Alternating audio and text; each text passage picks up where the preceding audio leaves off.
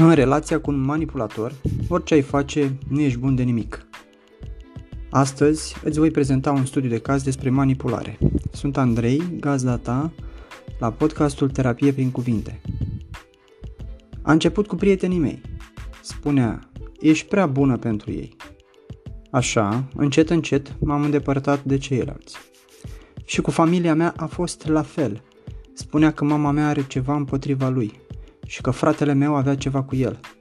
De ce voiam să fiu cu ei? Până și un ceai servit cu cineva era un gest ostil împotriva lui.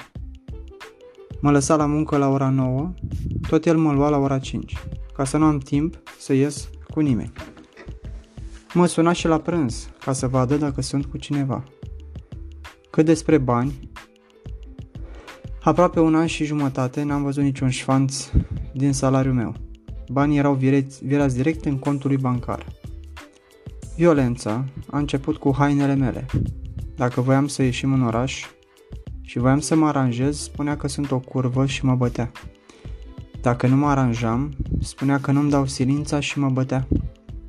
Nu puteam să câștig. Spre finalul relației, îmi verifica lenjeria intimă să vadă dacă am făcut sex cu cineva. Aici s-a umplut paharul. Mai sus, mai devreme, am prezentat o confesiune a unei femei care a ieșit dintr-o relație abuzivă și toxică. Victimele manipulatorilor nu sunt doar femei, ci și bărbați. Doar că regulile jocului sunt diferite și mijloacele folosite la fel. De exemplu, verificarea telefonului mobil pe ascuns sau pe față, verificarea e mail mesajelor și, bineînțeles, că violența este exclusă sau este în cazuri foarte limitate.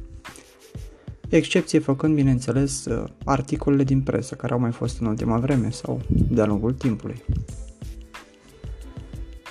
Relația cu un manipulator te stoarce de energie, mereu trebuie să fii atent ce spui, să nu super manipulatorul, să fii agresiv fizic sau psihic.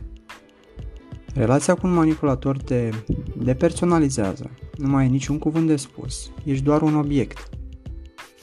Relația cu un manipulator te destabilizează psihic, orice ai face nu faci bine.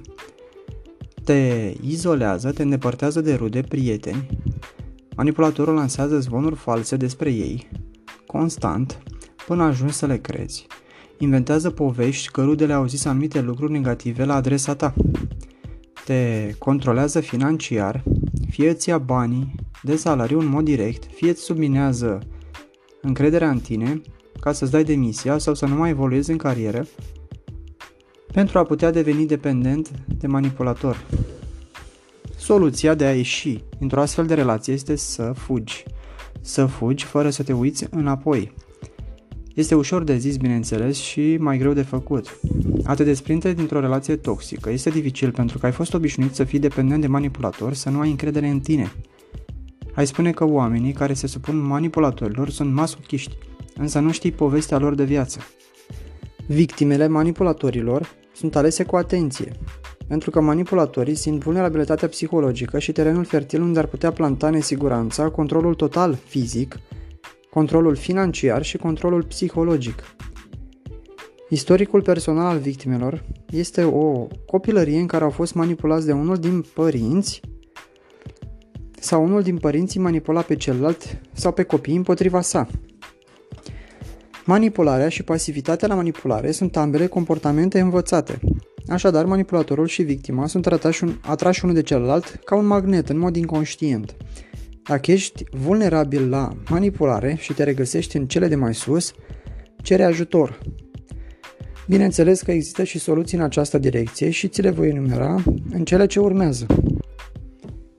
Soluții pentru a diminua sau a înlătura efectele negative ale manipulării asupra ta. 1.